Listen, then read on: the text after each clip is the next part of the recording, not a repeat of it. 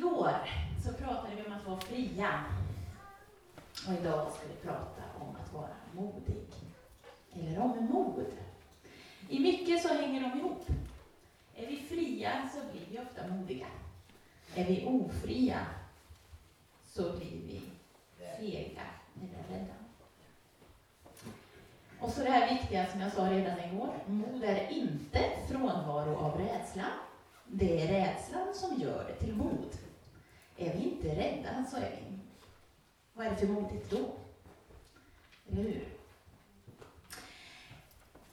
När man läser Bibeln så är det väldigt tydligt hela tiden, kommer det igen, igen och igen och igen, att mod är ingenting som vi har och inte har. Utan mod är någonting som vi får. Av varandra och av Gud. Och vi behöver hela tiden fylla. Så är det någon här inne som känner att ni inte är så modig, så är det så det är bara. Det är så vi skapar. Just modgrejen, det är en stapel i våra liv som hela tiden behöver fyllas på. Fem gånger i Apostlagärningarna så står det att Paulus ingöt dem med mod, eller uppmanade till mod. Två av de gångerna har jag redan sagt, det var när han lämnade Filippi och när han lämnade Efesos. Det sista han gör är att han samlar alla och så ingjuter han dem mod. Men det är också så att Paulus behöver mod. Och i första Thessalonikerbrevet så står det så här, eh, i kapitel 3. Ni bröder, mitt i alla våra svårigheter och lidanden har ni gett oss nytt mod med er tro. Typ. Paulus får mod av de andras tro. Och ibland funderar jag på det. Kanske är det så att mod är att gå i tro. Sin egen, men också ibland att låta sig bäras av andras tro. Jag kan bli sådär, och nu gick Elise till men jag kan bli så här otroligt fascinerad av en sån berättelse. Ibland, det här låter hemskt, och får nästan inte säga, men ibland kan jag nästan känna lite, inte avundsjuka, men jag kan känna vad häftigt att få ha haft en sån här omvändelse. Så total, genomgripande omvändelse. Jag har något annat väldigt bra, det är att jag har alltid varit kristen. Det är ju fantastiskt. Så det är ju också någonting väldigt bra. Eh, men det som jag tänkte på där och som, är så, som har varit så viktigt för mig och som jag tror är viktigt för oss alla, det är att för alla våran, allas vår tro växlar ju, eller hur? Ibland är vi starka i tron och ibland är vi svaga i tron. Och alla tvivlar någon. Alla tvivlar ibland. Någon har sagt att tvivel är trons skelett. Vi behöver vårt tvivel, vi bygger vår tro på vårt tvivel. Tvivlet är för att vi ska växa och utvecklas i vår tro. Men så är det en sak till med det där tvivlet som är lite bra, tror jag också. Det är att det ger oss möjlighet att vända oss till varandras tro och hämta styrka där. Och det har jag gjort då. Mina föräldrars tro. Det är ju styrkan om man är uppvuxen i en kristen familj och har föräldrar med en stark tro. När min tro har blivit svag, när jag inte har haft tillgång till min egen tro, då har jag lutat mig. Så jag tänkt så här. Pappa tror, han får bära min tro ett tag. Och det har hindrat mig från att tappa modet. Då kan jag tvivla utan att tappa modet. Vi behöver andras tro att luta oss mot och vila i när vi är som mest utsatta och underskatta inte det. Nu är det inte så att alla har föräldrar som man kan luta sig mot kanske. Då får man se till att man tar dem man har. Vi har ju varandra här inne till exempel. Hela Apostlagärningarna bär spår av detta. Hur människor bär varandra och hur deras tro bär varandra och hur de blir modiga av varandra. Och det är, för mig i alla fall, det var inte så många som hade läst Apostlagärningarna väldigt nyligen här inne. Och jag hoppas nu att när ni åker härifrån att ni kanske gör det. Det är därför jag kastar ut lite sådana här, ibland väldigt korta grejer, för att då tänker jag så här, då kanske de känner att oh, nu måste jag läsa kapitel 10. Så, det är min förhoppning, jag säger det nu, så får ni göra vad ni vill av den. Men nu ska jag ta och läsa det som, är, det som jag blir mest drabbad av när jag läser Apostlagärningarna. Och det är deras gemenskap. Och där har ni Apostlagärningarna kapitel 2. Och vi kan läsa från vers 41 där. Apostlagärningarna 2, vers 41.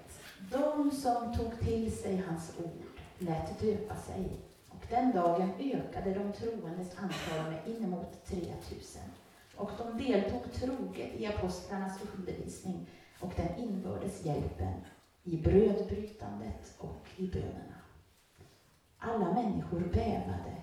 Många under och tecken gjordes genom apostlarna. Kommer. De troende fortsatte att samlas och hade allting gemensamt. De sålde allt vad de ägde och delade ut åt alla efter var och ens behov. De höll samman och möttes varje dag troget i templet. Och i hemmen bröt de brödet och höll måltid med varandra i jublande uppriktig glädje. De prisade Gud och var omtyckta av hela folket. Och Herren lät var dag nya människor bli frälsta och förena sig med dem. Detta är... Va? Jag hade velat vara där. Visst hade man? Och ibland så stannar vi där och tänker, åh, tänk då, hur det var då. Så glömmer vi vad vi kan göra idag. Vi har en liten risk idag i vårt samhälle. Nu ska vi se om det är någon som känner igen sig. Nu blir det personligt här, så får vi se om ni får gärna humma lite eller så. Alltså, bekräfta på något vis om det är någon som känner igen sig, så känner jag mig inte lika utsatt här uppe. är det så idag att när, man ska, när folk ska komma hem till en, då ska man helst ha ett väldigt fint inrett hem. Sådär lite så att det passar över, överens. Man ska ha något lite nytt från hus och hemtidningen eller, eller inspirations eh, någonting. Och sen ska man helst på vägen in när folk kommer också mot trappen, då ska det vara en väldigt fin trädgård. Och lite så fina blomsterlådor och lite nytänkande också gärna, inte bara vanliga gamla sånt, utan lite nytt och fräscht sådär. Och sen när man bjuder på middag så ska det helst vara en trerätters och så ska det vara lite sådana exotiska, annorlunda grejer och recept som man inte har smakat Det räcker liksom inte med pannbiff, utan det måste vara lite så här kaffir lime-blad och eh, glasnudlar och ja, är det någon som känner igen sig? Lite grann i alla fall. Vi har lagt väldigt, vi lägger väldigt mycket krav på det här att öppna våra hem. Så har man skitstökigt hemma, man är jättestressad, man har bara en halv liter mjölk och två ägg i kylen. Och då är det ganska jobbigt att bjuda hem någon. Kan man göra det bara sådär? Träffas och äta de där två äggen och i uppriktig glädje.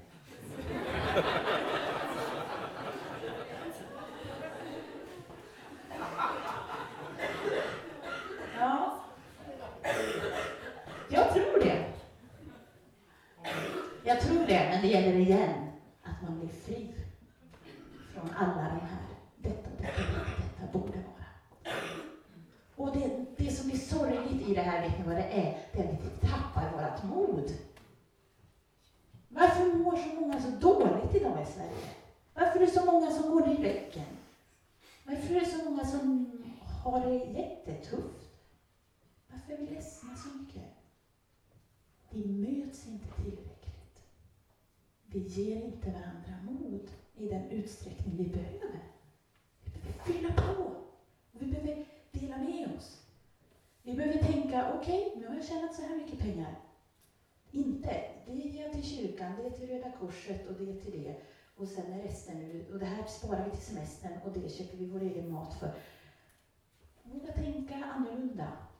Våga öppna även ett stökigt hem utan att be om ursäkt min mamma var hemma en gång och sa, Åh, jag har varit så fantastiskt idag. Så, Jaha, så jag, jag har varit hemma hos en arbetskamrat. Och vad roligt och vad kul. Och det var så fantastiskt, hon hade så stökigt i hela sitt hus. ja. Och vet du vad som var allra bäst? Hon bad inte en enda gång om ursäkt. Hon bad inte en enda gång om ursäkt. Och då slappnar alla av. Och så möts man. Och så tankar man mod. I kapitel 4, 32 står det så här. Alla de många som kommit till tro var ett hjärta och en själ. Nu vill jag att ni ska blunda. Så vill jag att ni ska tänka på ert hjärta. Dudonk. Dudonk. Dudonk.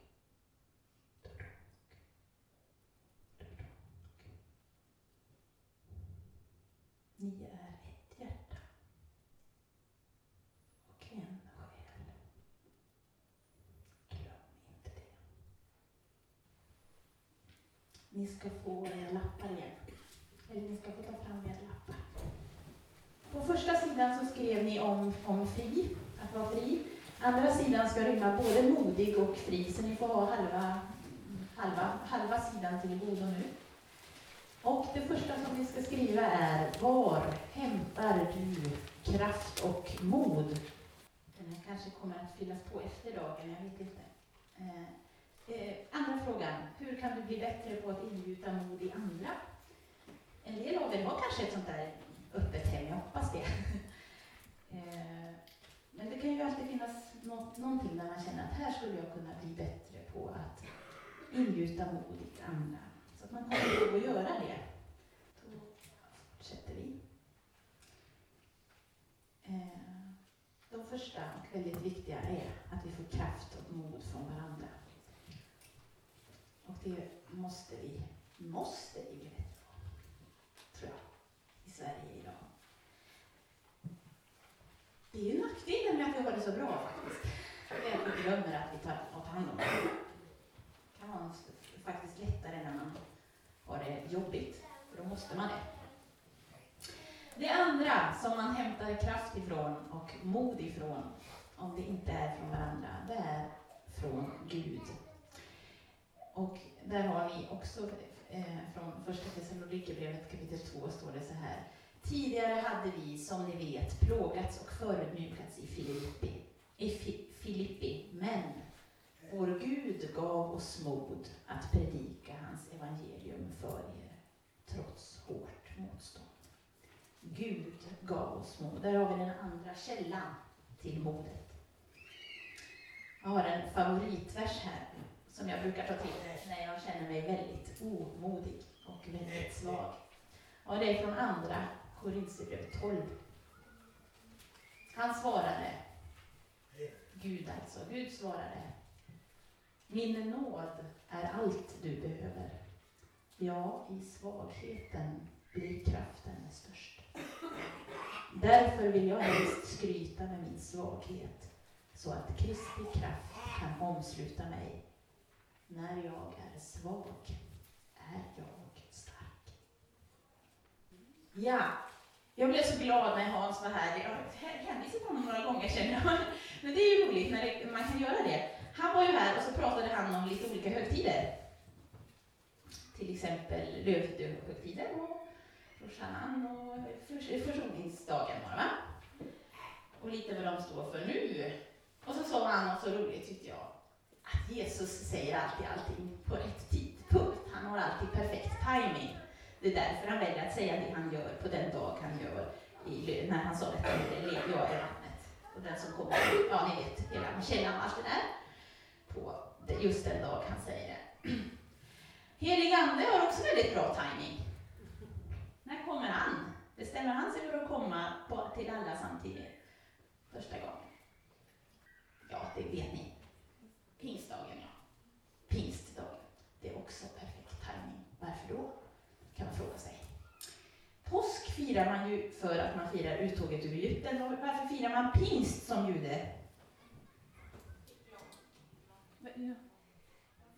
Man fick lagen då, tack så mycket. Man fick lagen och då firar man det under pingsthögtiden. Och det är då som anden väljer att komma. Och nu ska jag läsa för er när lagen kommer först. Det står i Andra Mosebok kapitel 19. Kapitel 19, vers 6. När det blev morgon den tredje dagen började det åska och blixtra. Ett tungt moln låg över berget och det hördes en stark hornstöt. Alla som var i lägret blev förfärade. Då förde Mose folket ut ur lägret för att möta Gud.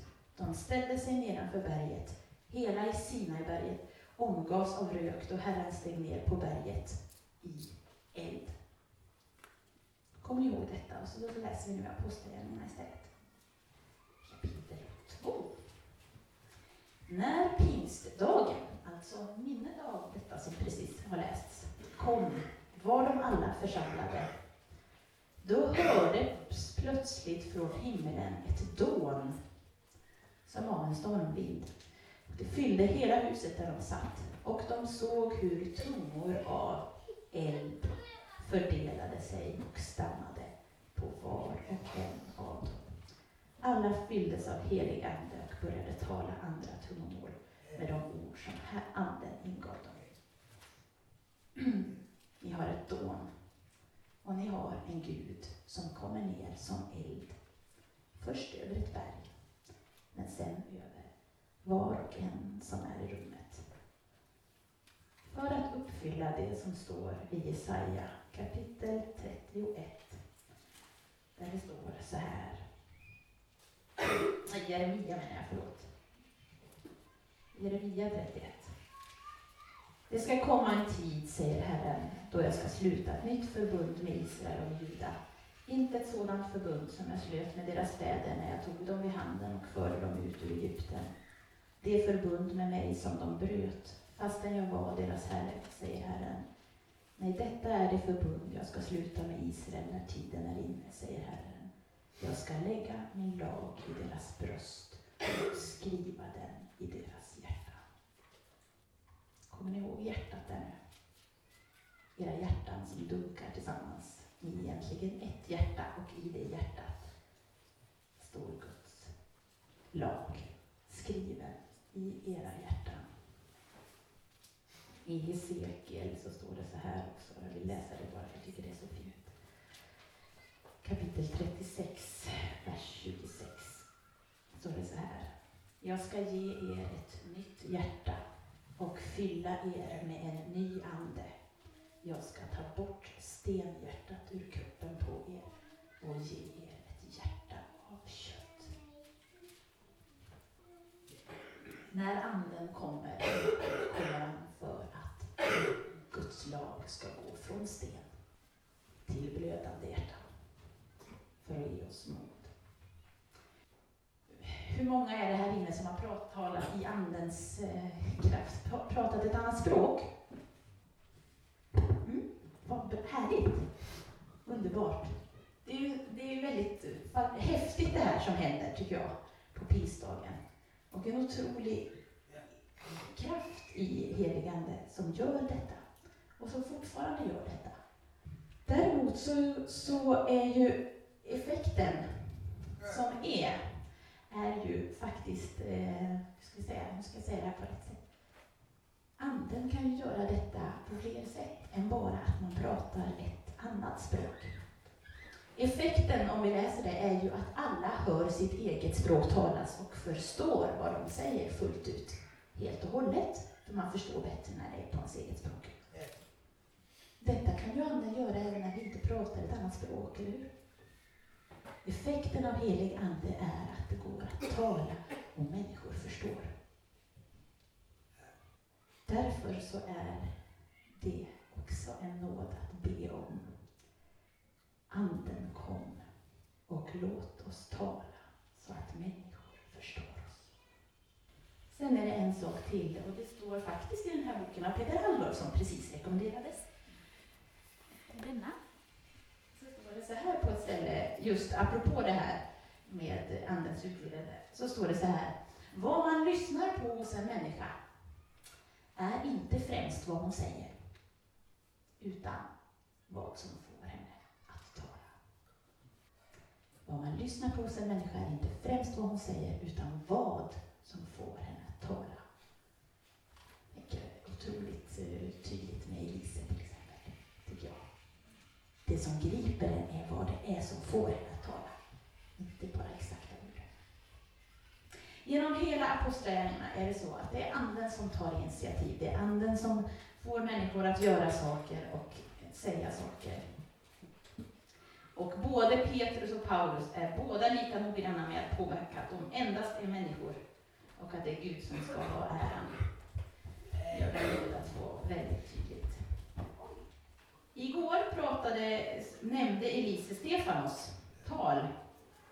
Det är ju också i Apostlagärningarna faktiskt. Och det har ni i kapitel 7. Jag ska inte, vi ska inte läsa hela, för det är ett väldigt långt tal där han berättar om egentligen hela historien, hela Israels folks historia. Och det som är det hemska är naturligtvis slutet.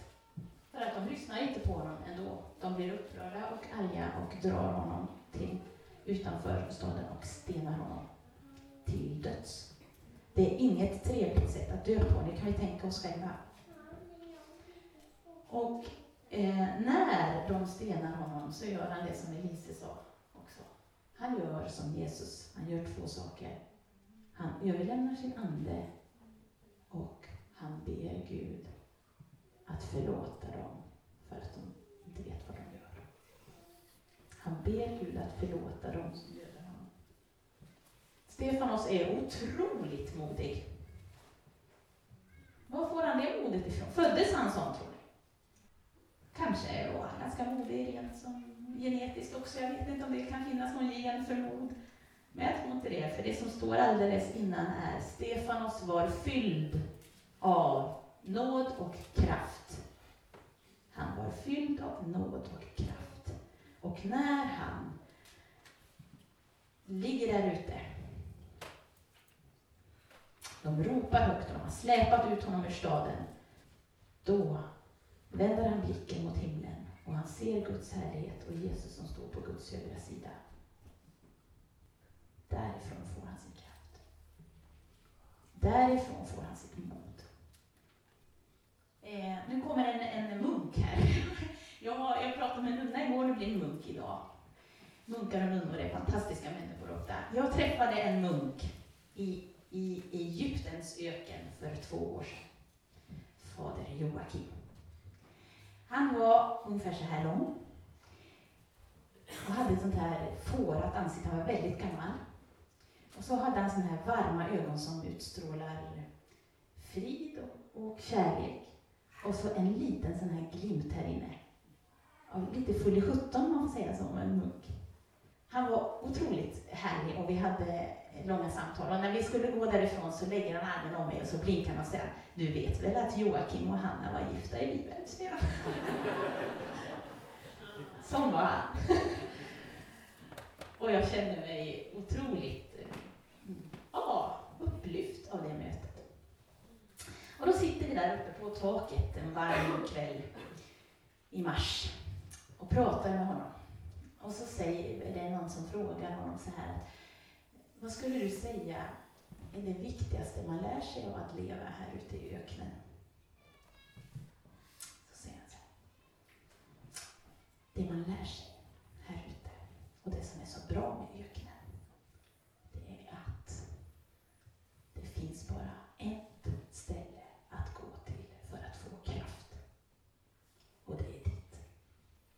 Jag kan aldrig lura mig själv som ni kan. Det finns bara ett ställe att gå och få kraft. Vi kan lura oss lite grann. Vi ska hämta kraft från flera ställen än från Gud, men vi kan tappa bort Gud. För att vi kan börja fokusera istället på att vi ska hämta kraften på en massa andra ställen. Och så glömmer vi bort att gå dit. Gå dit för att ta kraft, gå dit för att hämta kraft varje dag. Och så lite senare så, så fick jag lära mig, och då kom jag att tänka på detta igen fick jag lära mig att på hebreiska så är det så att alla abstrakta ord har också en konkret betydelse för att man ska kunna tyda det. Så att abstrakta ord har två betydelser. Till exempel det abstrakta ordet kraft har också en sakbetydelse. Då kan man tänka sig att det skulle vara lejon eller någonting så här kraftfullt. Men det är någonting som står alldeles still. Ordet kraft på hebreiska betyder också mur. När jag går till Gud för att få kraft så bygger han en mur runt mig. Inte för att hålla mig fången, men för att skydda mig mot modlöshetens bilar, självföraktets bilar, otillräcklighetens bilar. Att gå till Gud för att få kraft, det är att gå till Gud och bygga sig en mur inom vilken man. Vi ska snart få gå ut och gå nu, men jag ska ta en sista gång, för jag tycker det är fascinerande faktiskt. Sista gången som Paulus uppmanar till mod i Apostlagärningarna, det är när de har lidit skeppsbrott i kapitel 27. De eh, lider skeppsbrott och de har eh, seglat och kastat av grej efter grej för att klara sig och så vidare. Och de har inte ätit någonting på 14 dagar. Och de är väldigt hungriga. Och det vet vi alla, eller? I alla fall en del av oss hur vi blir när vi blir roliga. Jag är väldigt avundsjuk på min man som sitter där nere, för han kan, han kan äta en gång per dag och ändå vara trevlig. Får inte jag mat var fjärde timme så blir jag fruktansvärd. Ja, tredje. Ja, det är faktiskt illa. Ja, dels blir jag väldigt grinig och sen blir jag väldigt såhär, nej, det går inte. Nej, fy vad jobbigt allting är. Och så blir jag ledsen för saker. Jag tappar modet. Jag tappar modet. När jag är hungrig tappar jag modet. Hur många är det här inne som tappar modet när ni blir hungriga? Lite Ja. Det, det som är lite roligt med Paulus, det är att han säger, nu tar vi och äter. Nu tar vi och äter. Och jag tycker om det eftersom att jag älskar att äta. Och då ska, jag ska bara läsa för det här, ska ni se. Nu har vi varit, eh, kapitel 27, vers 33.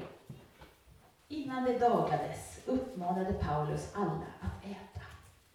Nu har ni varit utan mat i 14 dagar och inte fått någon näring. Därför råder jag er att äta. Det behöver ni för att kunna klara er.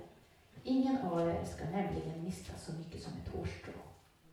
Sedan tog han ett bröd, tackade Gud inför dem alla, bröt det och började äta.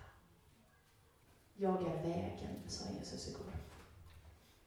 Jag vill ha dig fri. Håll dig till mig. Jag är vägen. Idag säger han, jag är livets bröd. Kom till mig och ät. Han är till och med född i en stad som betyder brödhuset. Det tycker jag är roligt. Betlehem, brödhuset. Ni har skrivit på er lapp var ni hämtar kraft. Se till att ni gör det. Se till att ni hämtar kraft och mod på rätt plats. Och nästa gång ni tar nattvarden, vilket kanske är ikväll, så kan man faktiskt, när man tar emot brödet, be Herre, ge mig mod.